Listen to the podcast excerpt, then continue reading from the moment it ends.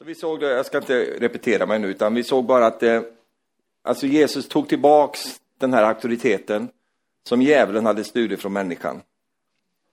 Och, då, och Arne var inne på det också här, eh, du död, var är din udd? Va? Eh, var, är, var, syndens makt, syndens auktoritet är bruten. Eh, och den är överförd tillbaks till Jesus. Va? Eh, och det är därför han kan säga då, som han säger i Matteus 28, vers 18, Sen så här, då trädde Jesus fram och sa till dem, jag har fått all makt i himlen och på jorden.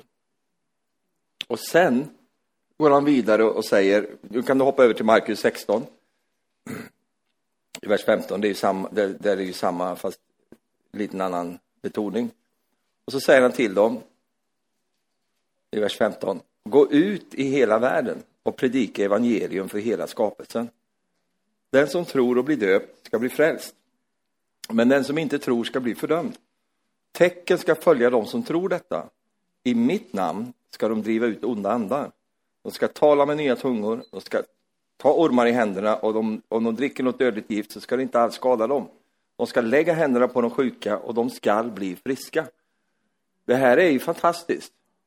Det, det är ju så, det är sån, vad ska vi säga, det är sån detta ska ske. Va? Det är inte någon, det, är inte någon sån där wavering, va? utan det här är koncist, det är tydligt, det är, detta ska ske. Korta satser, inte nu jättelång utläggning, utan eh, inte, han pratar inte om vissa typer av sjukdomar, utan lägga händerna på de sjuka och de ska bli friska. Och sen så kommer också, som jag ska komma in på nästa gång, eh, och ta, ta mer tid på det. Eh, han säger så här, Eh, Eh, tecken ska följa dem som tror detta. I mitt namn ska de driva ut onda andar. I mitt namn. Och eh, vi, vi pratade lite på, på rasten här om det. Att eh, Petrus säger så här när, han blir, när de undrade hur han kunde göra det här och bota den här lame mannen. Va? Så säger ju Petrus så här, nej det är inte min kraft. Som, titta inte på mig. Så här. Först har han sagt till den här mannen, se på mig. Och sen när de eh, eh, blir förundrade, och så här, då tittar ju alla på honom då säger han, se inte på mig. Och, och det, för att titta inte på mig, för det är inte jag som har den kraften, utan det, och så, så kommer förlösningen. Han säger, nej det är genom tron på hans namn. För det var, eh, jag var ju du lite som undrade över det. Alltså, man brukar Jesu namn så mycket, det, det funkar ju inte så här. Nej, men det är, inte, det är ingen magi i namnet utan det är tron på det namnet. Att jag sätter tro till det namnet. Och för att jag ska kunna sätta tro till det namnet, då måste jag förstå personen som bär namnet.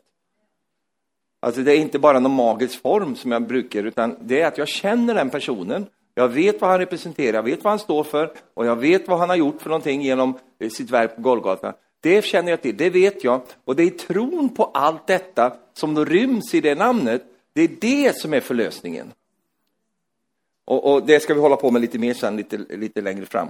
Men eh, eh, hur som då så, så, förstår vi det att den auktoriteten som Jesus eh, förmedlar vidare, det är ju den han har erövrat åt oss.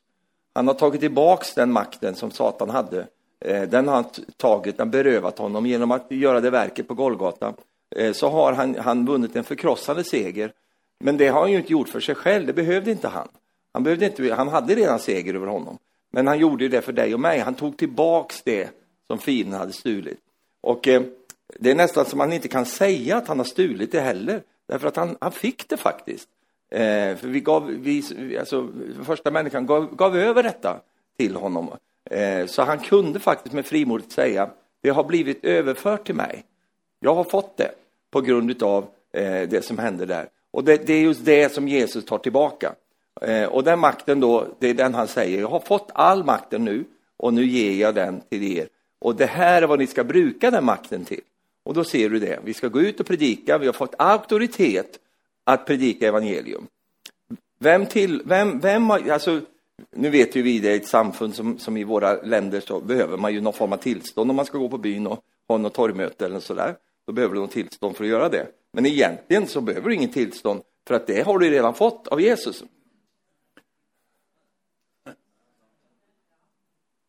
Vem har gett dig rätt att stå här och tala? Du gör det bara så. Jag har fått rätten i hans namn. Jag har fått rätten att göra det, för att Jesus har gett oss den befallningen, att i hans namn så får vi göra de här sakerna. Men det, men det som är intressant, det han säger här, vi kan titta på det igen, i, i Markus 16, så ser vi här, när Jesus säger det, den som tror och blir döpt ska bli frälst. Eh, och vi skulle kunna jobba lite med alla de här satserna här. Eh, vi förstår att tron går före dopet.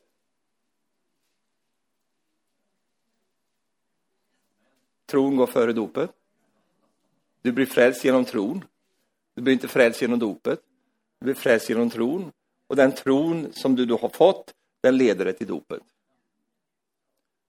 Det är ju fantastiskt om man ska behöva säga, det är ju är väldigt självklart egentligen, men det är inte självklart i alla kretsar. Men, så därför så är det så att det, vi, vi, vi praktiserar den troendes dop. Därför att det är genom, genom tro på Jesus som du blir frälst. Annars hade inte rånaren, eh, rövaren som hängde på korset kunnat bli frälst, för han var inte döpt. Men Jesus sa ikväll, eller idag, ska du vara med mig. Halleluja. Han, han kom odöpt till himlen. Det har du aldrig tänkt på, men jag har tänkt för dig. Men vi ska inte göra det här till en dopundervisning nu, det kan vi ta någon annan gång. Men därmed ska vi inte förringa dopets kraft. Det, det är en annan sidan av det, det är ingen liten, min, eh, liksom, liten sån där sidogrej vi håller på med. Utan dopet är mycket viktigt. Och är du inte döpt min vän, låt döpa dig. Låt döpa dig. För egentligen ska man göra det precis när man har i stort sett tagit emot Jesus. Varför ska du gå och släpa på, på gammalt skräp? Va? Låt. Jag, jag rensade upp i mitt garage här, häromdagen. Nu blir jag frestad, jag måste och inte köra... Man breder ut sig, vet du. Så, men men jag, jag, jag ger dig den här i alla fall. Jag fixar mycket. Jag, jag körde tre stycken, minst tre stycken hängare med, med grejer jag hade i mitt garage. Jag hade så mycket grejer, vet du. Och jag, de har bara legat där, en massa bromsskivor och kalipprar och allt möjligt. Va? Som jag aldrig någonsin kommer att använda. Jag har ju sålt de bilarna för länge sedan. Va? Jag har inte kvar dem längre. Jag hade så mycket skräp jag slängde och slängde och slängde och slängde. Så inte undra på att garaget blir baktungt. Va? och det slutar med att Marie kommer inte in med sin bil. Hon är så nöjd med att jag ska in sin bil där. Jag får ju stå utanför där, och, men, men Marie ska in sin, för hon tycker inte om när det är kallt på morgonen. Men nu får hon in sin bil, halleluja. Och det är sån, vad har det med dopet att göra? Ja, det har väldigt mycket med dopet att göra. Att vi har så mycket grejer som vi har släpat med oss genom livet, olika saker. Och då är det så skönt att få begrava de sakerna. Och, det, och att det just är en synlig handling på en inre eh, händelse. Alltså det är en yttre handling på en inre händelse. Och det är intressant att veta detta att i många missionsländer som vi besöker så, så, så kan människor, eller så de religionerna tillåter att människor får tro på Jesus. Men om du döper dig, då vet du. Och det är för att det är en synlig handling på något som redan har hänt här inne. Och därför så finns det en kraft i dopet, därför att dopet har ju, det, det står att det är en förkunnelse, det predikar någonting. Det talar om att nu är jag en ny skapning, eh, gamla är nya har kommit. jag vet inte varför jag säger det där, men, men ja, det vet jag varför jag sa det, men varför jag säger det just nu, det är kanske för att om du inte är döpt, låt döpa dig. Här finns vatten, det fanns inget vatten här, nej, men, men, men vi ordnar vatten, halleluja. Arne kan döpa dig, jag kan hjälpa till, halleluja. Jag har hjälpt till i många dop, kan jag lova dig. Och jag har döpt många också. Så ta den hälsningen om det, är, om det är så någon som säger att jag är inte döpt, Stefan. Låt döpa dig. För vad står det? Den som tror och blir döpt. Så det är inte oviktigt då. Och så tänker någon, ja men jag blev döpt när jag var liksom så länge sedan så jag glömt bort det här nu. Kan, kan jag få döpa om mig? Svar nej. Jo, men snälla. Jag vet att en del som har en memorial baptism, att man, man döper om sig varje år. Man är man är hälsar på i Israel och tycker det är häftigt och så är man ner i Jordan varje år, sen en memorial, så får man lite diplom. Det är en amerikansk idé. Men, men eh, då får de sälja diplom. Men, men eh, det räcker med att vara döpt en gång. Jag kommer ihåg när jag döpte, jag var bara 13 år när jag döpte mig. Sen hade jag en väldig snurr där ett tag i min tonårstid. Men jag har alltid refererat till det. Jag döpte då, det gäller än. Halleluja. Det gäller än. Amen. Så om du var döpt när du var tonåring så halleluja. Du kanske inte förstod allting och allt sådär, men den handlingen den, den eh, gäller. Amen. Nåväl, nu hoppar vi ur det där. Så den auktoriteten den gav Jesus vidare då till sina lärjungar och till de som, de som tror, står det. Ska göra de här sakerna. Och det som är intressant i det här, tycker jag i alla fall, det är då efter då han har förklarat då att man tror blir döpt ska bli frälst, den som inte tror ska bli fördömd. Sen kommer de här tecknen då som ska följa de som tror detta. Det första han säger att de ska driva ut onda andar. Det är det första han säger. De som tror på mig ska driva ut onda andar. Du tycker inte det är något spe speciellt intressant, men jag tycker det är intressant. Varför säger han det först av allting för? Då betyder ju, för min lilla enkla hjärna, så betyder ju det att det är prioriterat. Det är inte en liten bit... ja så förresten så kan ni, ifall det händer någon gång så kan ni be för någon sådär, ifall de får lite jobbigt så, kan kasta ut det också. Nej, boom, rätt upp där. Vet du varför? Det är för att det är så väldigt många som har problem med det. Halleluja. Nej, det är ingen halleluja. halleluja att vi har fått makt. Vi har auktoritet att driva ut de sakerna. Amen. Och då är det så att allt är ju inte demoniskt inflytande, det, är inte, det, det vet vi. Men det, hela poängen som jag håller på med här, det är ju också att föra tillbaka det till att ja, men det finns också sånt som inte går att förklara bara själiskt eller bara liksom att jag hade en jobbig uppväxt eller, eller sådana saker, utan det är and, andligt inflytande som behöver knäckas. Så vi kommer längre fram in på detta om kristna kan ha demoner eller inte och, och så, alla sådana saker som är mycket spörsmål runt det kanske. Eh, eller vad är det, hur kan man veta att det är det och, och sådana saker. Det, det, vi kommer till det så småningom, men eh, eh, vi, vi tar det steg för steg. Nåväl, för att få auktoritet så måste man vara under auktoritet. För det är så här det fungerar. För att få auktoritet måste man vara under auktoritet. Jesus han hade en våldsam auktoritet därför att han var under en auktoritet. Han, han var underordnad Fadern. Och den, den, jag opererar i den auktoritet som har blivit mig given. Och, och, Det här är en nyckel egentligen till att kunna verka i de här sakerna. Eh, vi kan ta ett exempel som, som, som jag tycker lyser fram här i Matteus 8, vers, 30, eh, vers 5. I Matteus 8, vers 5. Och tänk inte så här nu, ja men nu ska jag, jag ska ju få de här anteckningarna, då behöver inte jag titta i Bibeln. Jo, du ska titta i din Bibel. Var med i din egen Bibel, den som du är bekant med. Och så ser vi, ja men det där, jag vet vad som står där. Jo, vi, även om du vet vad som står där så, så vi tar oss igenom det här. I vers 5. Då Jesus var på väg till Kapern, in i Kapernaum kom en officer fram och bad honom. Herre, min tjänare ligger lam där hemma och han har svåra plågor. Och Jesus svarade honom, ska jag då komma och bota honom? Och Officeren svarade, Herre, jag är inte värd att du går in under mitt tak, men säg bara ett ord, så blir min tjänare frisk. Och så kommer det här, också jag är en man som står under andras befäl, och jag har också soldater under mig. Säger jag till en gå så går han, till en annan kom så kommer han, till min tjänare gör det här så gör han det. Och när Jesus hörde det så blev han förvånad och sa till de som följde honom, amen säger jag er, i Israel har jag inte hos någon funnit en så stark tro.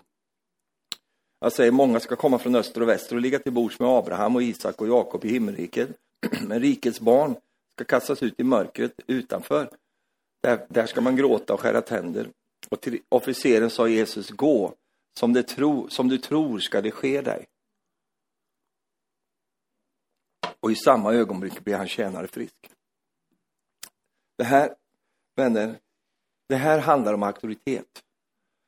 Eh, det handlar om att den här hövitsmannen här, han var ju inte jude, han var ju hedning som du och jag. Han, han förstod hur auktoritet fungerar. Och han förstod att nu möter han en högre auktoritet. Och då förstod han det eftersom han hade den, den kunskapen om, om att vara en, en, eh, general. Han förstod det, att jag, jag är en man, säger han, som själv står under auktoritet. Och därför att jag själv står under auktoritet så har jag auktoritet. Och, och i förhållande till att jag är villig att inordna mig under auktoritet så kommer jag också få auktoritet som jag kan operera utifrån. Det här förstår ju alla som, som lever i en, eh, i en, en militär miljö. Förstår, därför i en militär miljö är det väldigt viktigt att förstå auktoritetsordningar. Vet du varför det är så viktigt? Inte för att de här, det är en massa maktmänniskor som samlas där, utan det, här, det handlar om liv och död. Det handlar om att om inte jag fattar det, så när jag kommer ut där och ska strida och inte har lärt mig de här grundläggande sakerna, så är jag ett easy target på the enemy. Och där handlar det också som soldater, så handlar det också om att det är inte liksom eh, de här stjärnsoldaterna som, som är, utan det är ju armén som sådan. Om den inte är ordnad så blir det inte de genomslagen. Det är ju det vi ser nu. Varför, varför Alltså egentligen, om vi tänker efter, eh, eh, alltså Ryss, Ryssland skulle ju, borde, skulle ju borde kunna, borde ju kunna bara sopa mattan här utav, utav ukrainarna. Eh, därför att de är ju i kvantitet så överlägsna. Va? Det är ju en supermakt. Va? Det är en militär, det är väl nummer tre eller nummer, ja, det är högt där uppe. Va? Nummer två kanske till och med. Eh, som, som, men de gör inte det. Därför att det är inte ordnat. Va? Det, är inte, det finns inte de här eh, Däremot är Ukrainas armé väldigt framme på de sakerna. Och de har ju framförallt också motiverade soldater. Men, men, och då säger de, så jobbigt med krigs... håll inte på att prata om krig. Hela världen är ju i krig.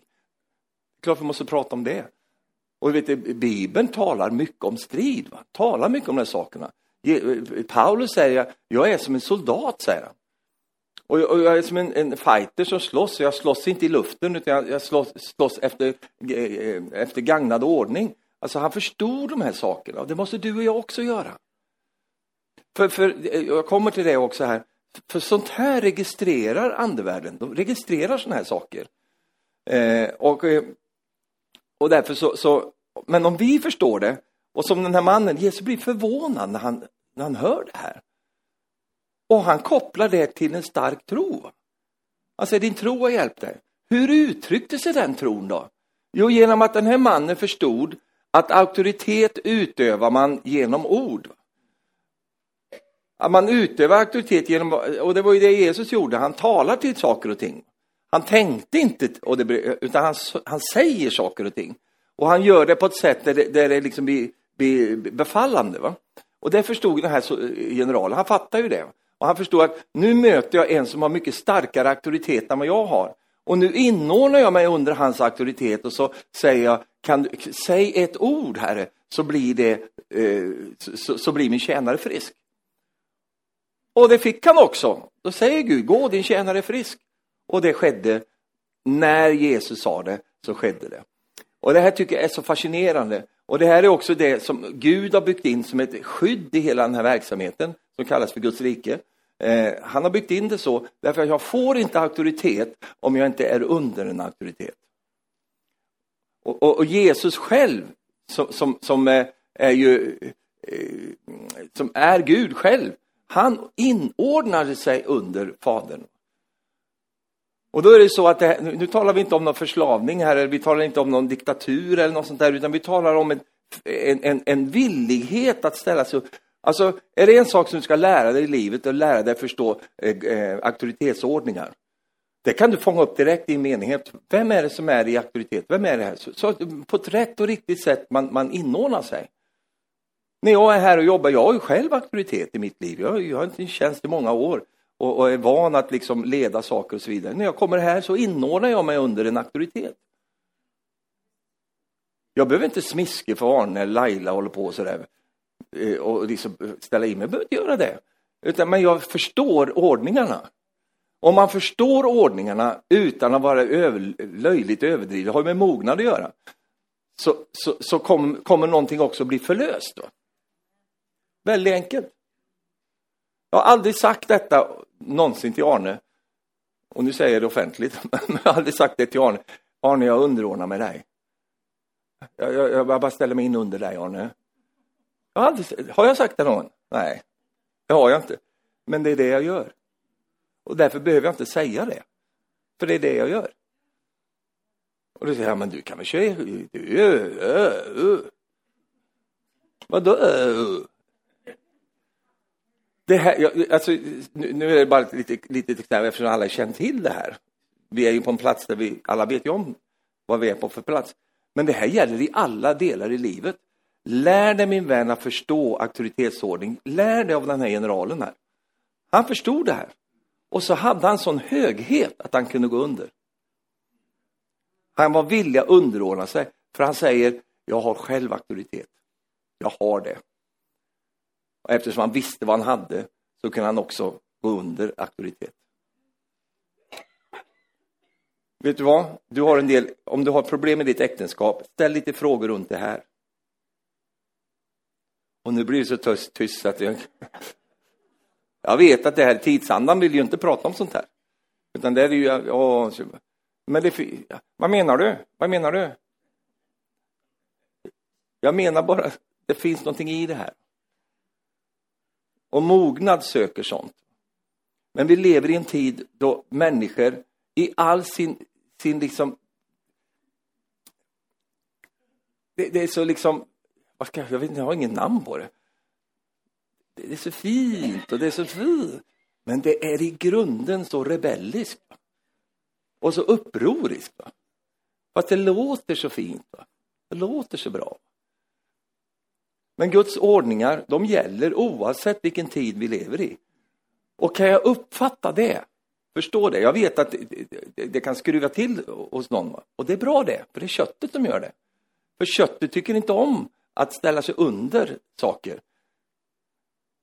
Men, men jag ställer, och då kommer ni, ja men jag underordnar mig bara Herren Jesus. Det är bara, jag ställer mig under, det är bara Jesus som jag står under. Det är bara skitsnack det där. Därför att Jesus har sin ordning. Han har sina trafikregler. Han har sitt sätt. Och, och lär dig, jag säger det igen, lär dig att skanna av hur ser den ordningen ut på den platsen du är. Du behöver inte gå runt och fråga, Herren visar dig det. Han kommer att visa det direkt. Vi har aldrig i mitt äktenskap, där har du också sån här, vi har aldrig i vårt äktenskap haft någon diskussion om det här. För Marie vet.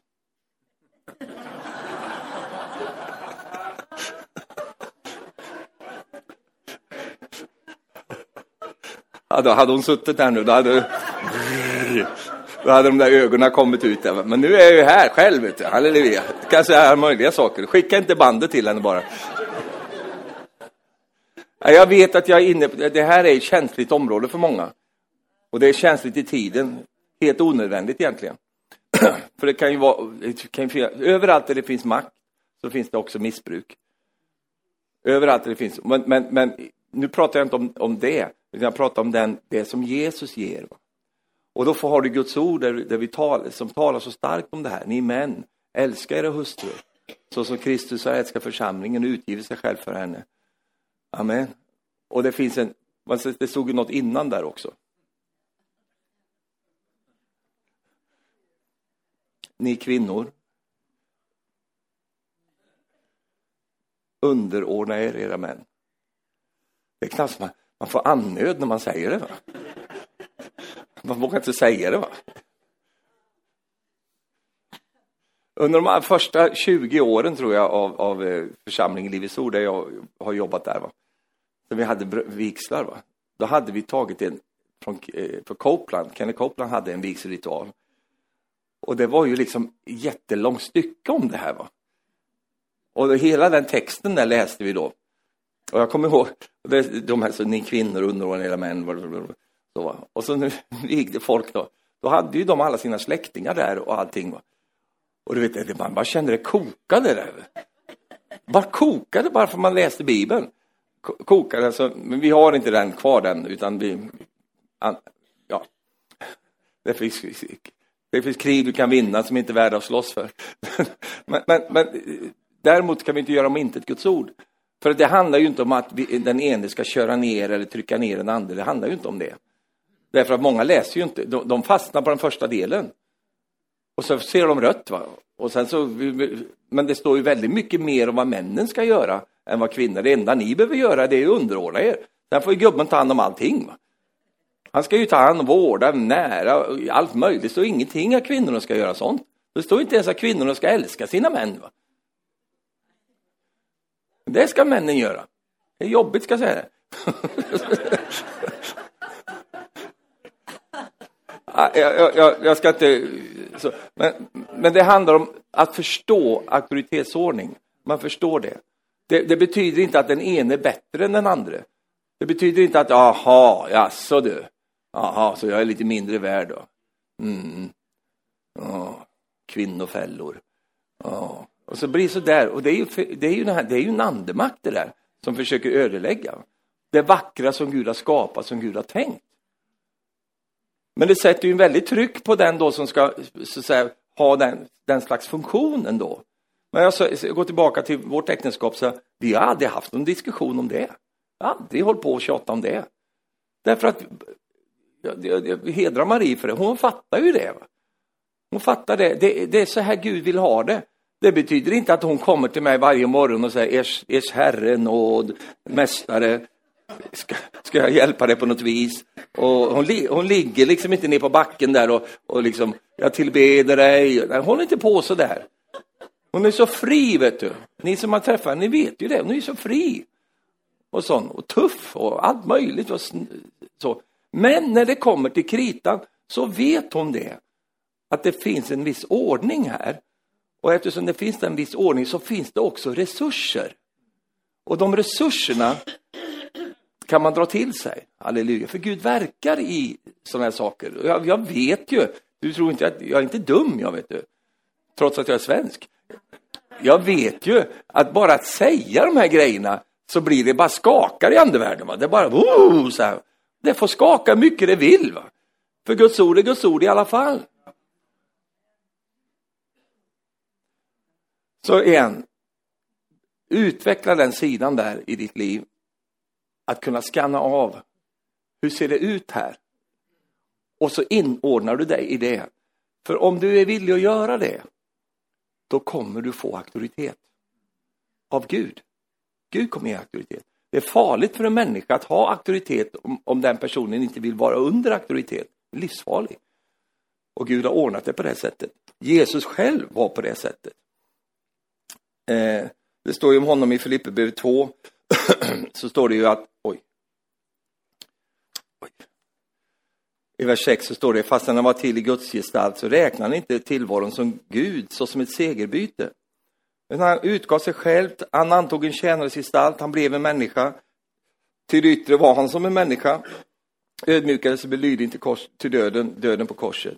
Därför har också Gud upphöjt honom över allting och gett honom namnet över alla namn. För att i det namnet, Jesu namn, alla knän ska böja sig i himlen och på jorden och alla tungor ska bekänna Gud Fader till ära att Jesus är Herre. Varför fick Jesus den positionen? Jo, därför att han gjorde vers 7 och vers 8. Va? Och hoppar du över vers 7 och vers 8, då missar man ju hela sammanhanget. Jesus underordnade sig Fadern, trots att han är jämlik med Fadern. Och ändå ordnade han sig under honom. Inte för att Fadern tvingade honom, utan att Jesus förstår de här sakerna. Och eftersom han då gjorde det, då upphöjer Gud honom över allting. Gud upphöjer ingen som inte vill ödmjuka sig. Utan Gud upphöjer det som går att upphöja. Och, och nu får jag skynda på lite grann här nu. Jag vill gärna komma till en viss punkt här ikväll. Och det, det leder mig till det här. Om vi nu, för ikväll pratar vi om auktoritet, det har, det har du förstått. Sen ska jag gå in och mer tala om tron och, och kopplingen trons auktoritet, hur det funkar. Vi kommer till det sen så småningom. Men eh, själva starten till att få auktoritet, det är ju som jag sa, att man är villig att gå under auktoritet. Att för det första att man förstår att det finns en auktoritet som man går under. Men man går ju inte under vilken auktoritet som helst. Självpåtaget eller sånt. Utan det ska ju vara gudagivet. Och är det gudagivet då, då kan man ordna sig under det så att man, ska få, så man kan själv bli välsignad av det som Gud vill ge till var och en av oss. Men så har vi en annan del i det här och det är omvändelse. Omvändelse ger själva förutsättningen för Guds auktoritet i ditt liv. Och omvändelse, det står om det i Lukas 15, vers 21.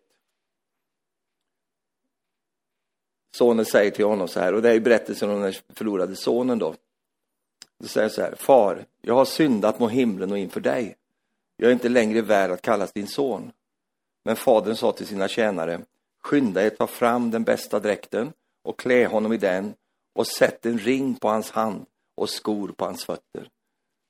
Och det här det här står för, för väldigt många härliga saker. Här, här har du berättelsen, jag ska inte breda ut den, utan det var berättelsen om han som, som tappade hela sin eh, arvet för att han, ja du kan det här. Men sen så när han vänder om, så vänder han om till fadern och i omvändelsen så, så, så ger fadern honom tillbaka de bästa kläderna. Men han ger honom också tillbaka ringen. Och ringen representerar någonting. Den representerar auktoritet. För att det var ju så vid den här tiden att det, eh, eh om du tillhörde en familj, och en bemedlad familj som i det här fallet, om du tillhör en sån familj, då hade du en familjering. Du hade en signetring, alltså som man signerar saker med. Så när han, han då har den ringen så kan han signera, han kan och gå till eh, butiken och, och, och köpa saker. Så vem ska jag sätta upp det här på? Då har han ringen och den var gjorda så, så att du kunde stoppa den i vax och sen så du kan, du kan liksom göra kontrakt och du kan göra alla möjliga saker. Så hade du den ringen, då hade du auktoritet. Och i omvändelse så fick han tillbaks den auktoriteten. Fadern gav det till honom. Och det, det är så med, med, med, omvändelse, det vill säga att jag vänder, till, vänder mig. Och det är ju återigen, att vända om, det handlar ju om att underordna sig Gud. Därför att om jag inte underordnar mig Gud, då, vad ska jag då förvänta mig att kunna få av honom? Om Jesus var tvungen, inte tvungen, men han gjorde det av fri vilja. Om Jesus kunde underordna sig, vad kan inte du och jag göra det då? Och på vilket sätt ska vi underordna oss? Jo, vi underordnar oss hans ord. Det vill säga, det han säger, det är det jag, det är det jag lägger mig under. Så att jag underordnar mig honom, då kommer jag att få ringen och den ringen den ger mig auktoritet att eh, råda och regera tillsammans med honom. Det är så att djävulen, han vet om du vandrar i auktoritet eller inte. Han vet det. Det finns ett väldigt bra exempel på det här i, i Apostlagärningarna 19, vers 13. Står det så här. Några kringvandrande judiska andutdrivare tog sig också för att uttala Herrens namn över dem som hade onda andar. De sa, jag besvärar vid den Jesus som Paulus predikar. Det var sju söner till en viss Gevas en judisk överstepräst, som gjorde så. Men den onda anden svarade dem, Jesus känner jag till och vem Paulus är vet jag, men vilka är ni? Och mannen som hade den onda anden kastade sig över dem, övermannade dem alla och misshandlade dem så svårt att de måste fly ut ur huset nakna och blodiga. Och det visar på någonting att, att, att fienden, djävulen alltså, det, det, det, en sak som, som och det kan komma i, när man liksom, ja, växer upp i, i tron, det är att man, man liksom förringar djävulen. Det, det står om det i Judas brev, att eh, när Mikael trädde upp, ärkeängeln trädde upp mot, eh, mot djävulen, så föraktade han honom inte. Han, han liksom, han, han var inte, ja, va? Ja, alltså han, han hade inte det här ja, föraktet emot honom, utan han säger bara Herren näpser dig. Va? Herren näpser dig. Han förstod någonting om de här sakerna. Du vet att det finns de som säger, ah, det är djävulen, den är dumme djävulen, och så håller håll på och säger. Alltså, det är bara människor som inte förstår hur saker fungerar. Därför att det står ju faktiskt så, Johannes talar om detta, att hela den här världen ligger i den ondes våld. Det betyder att han besitter en viss förmåga. Du säger man han har ingen makt, säger du. Jo, han har makt eh, för, över dem som inte tror på Jesus. Va? För all den makten är ju given till dem som, de som tror, sa Jesus. Så därför så kan ju djävulen härja fritt och, och hålla på. Va? Och, och, det kommer en tid i, tusenårsriket då han blir bunden för tusen år eh, och, som har ödelagt så mycket. Och sen efter de åren där så kommer han ju släppas lös för en liten tid och då kommer han ju ställa till enorma, alltså som visst har han förmåga. Och, och, och, absolut är det så. Men det är viktigt att förstå det, därför att förstår man inte det så förstår man inte heller att djävulen förstår. Han förstår. Han vet precis var du befinner dig någonstans i din andliga vandring. Och så han vet det. Eh, och han visste det med de här skeva sönerna, han visste vad är det här för lidare. Det här är ju ingenting att, och liksom, vilka är ni? Men han visste mycket väl vem Jesus var. Och han visste, visste, mycket, visste mycket väl vem Paulus var. Jesus vet jag. Paulus är mig väl bekant. Men vilka är ni? Och det betyder att fienden, han, han, han, han vet de här sakerna. Jag vill ju inte säga det här för att skrämma dig på något sätt. Och han kanske inte... Men jag vill säga det därför att vi måste förstå att det här är ju ingen lek som vi håller på med. Det är ju inte liksom, ja, lite kul så här va. Utan det är ju en strid på fullt allvar. Och det är därför som jag, jag, liksom, jag, jag brinner för detta, att Gud ska sätta verktyg i händerna på var och en som gör att vi kan strida den goda kampen. Att du aldrig någonsin ska behöva vara rädd eller känna det, åh, det är liksom så, utan du ska veta vad som är din auktoritet. Du ska veta detta. Du aldrig någonsin börjar darra på manschetten under, oh,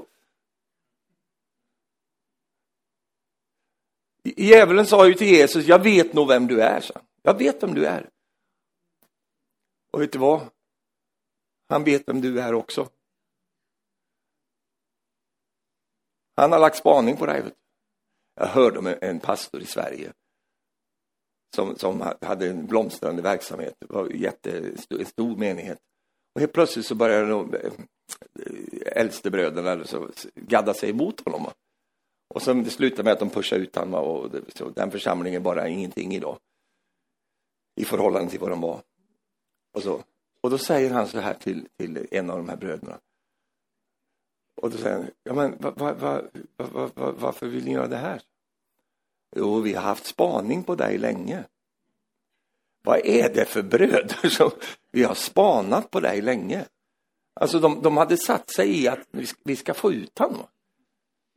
Det är klart att det inte blir någon trosatmosfär av sånt. Då. Men det är precis det djävulen håller på med. Han lägger spaning på oss. Och han kollar och håller på och grejar fram och tillbaka. Han vet sådana saker. Men då ska du veta en annan sak. Som, som Reina Bonke sa. The blood of Jesus is between you and the devil. Blodet är emellan. Så det ska du veta, för att även om fienden drar upp saker det har hänt mig när jag bett för folk och kastat ut dem och helt plötsligt talar demoner rätt ut och säger saker som bara jag visste. Vad jag hade gjort och inte gjort. Bara puff, så här, rätt så här mitt i. Och då kan man ju bli, oh, så här. Och då säger, jag kommer ihåg så väl ett tillfälle där det hände. Jävlar bara tala med rak röst, eller tydlig röst. Utan en person som inte kände mig. Sa saker som, som för att, för att liksom förminska mig, eller för att sätta dit mig. Men då sa jag så här, vet du vad mitt svar var? Jag är i Kristus Jesus en ny skapelse. Det gamla är förgånget. Allt har blivit nytt. Jag bara citerar den versen rätt upp och ner. Då vart det bara tyst där. Det gäller att veta vad man vet. Det gäller att kunna de här sakerna. Därför att det är klart att fienden alltid kan rapa upp någonting som, som du kan ha gjort eller inte har gjort eller, och sådana saker. Han kan göra det, han håller på. Han, för djävulen har ju bara historien att jobba med. För framtiden, oh, mamma mia, den har ingenting med att göra. Men historien har han mycket, han kan hålla på och fiska upp och dra upp massa grejer. Vem tror du att du är? Jag vet nog vad du håller på med och allt det där. Och han vet mer än vad du tror att han vet. Men så har vi ju blodet. Och vet vi, vad vi vilken grund vi står på? Så vi inte behöver gå, gå i försvar mot djävulen och säga ja men det var inte jag, det var de andra. Alltså, det är ju kört. Va? Utan vi förhandlar ju inte med honom. Utan vi har ju Jesus som vi jobbar med. Amen. Och det här visste ju de här. eller det visste ju inte. De här var ju imponerade över vad som hade skett med Paulus när han drev ut demoner. Och så kommer de här eh, andra och skulle göra likadant. Och så försökte de sig på det. Och det slutar ju i katastrof för dem. Det säger mig, fienden vet om om vi har trons auktoritet eller inte.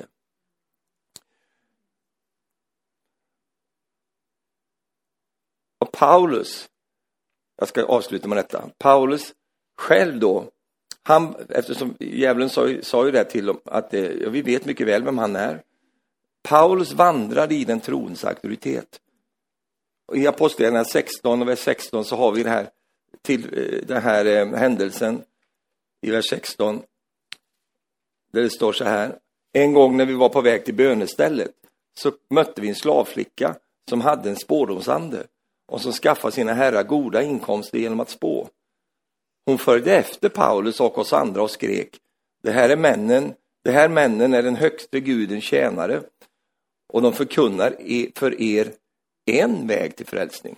Inte frälsningens väg, utan en väg.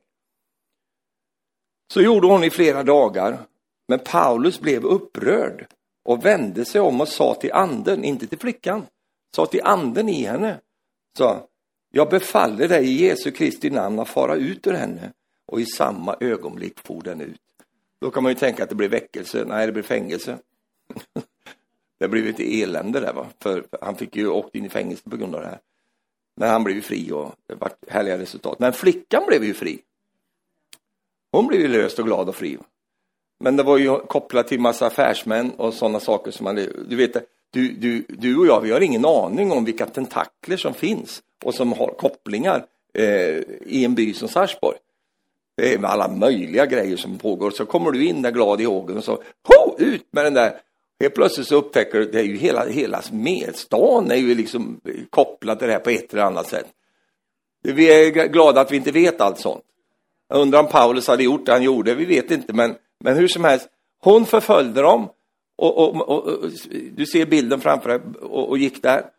Men Paulus blev upprörd över det här.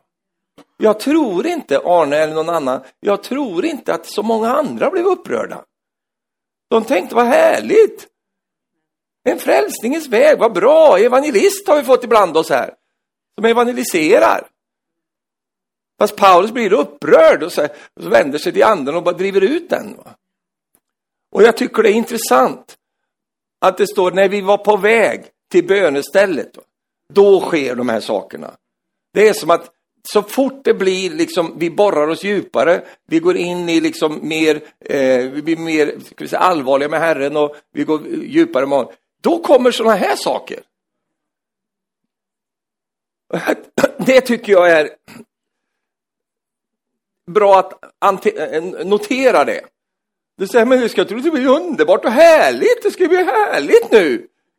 Och nu blir det ju massa, fy vad jobbigt det blev nu. Ja men det är för att det är sånt att när du och jag kommer vidare med Herren och djupare med Herren och allt det då också ökar auktoriteten.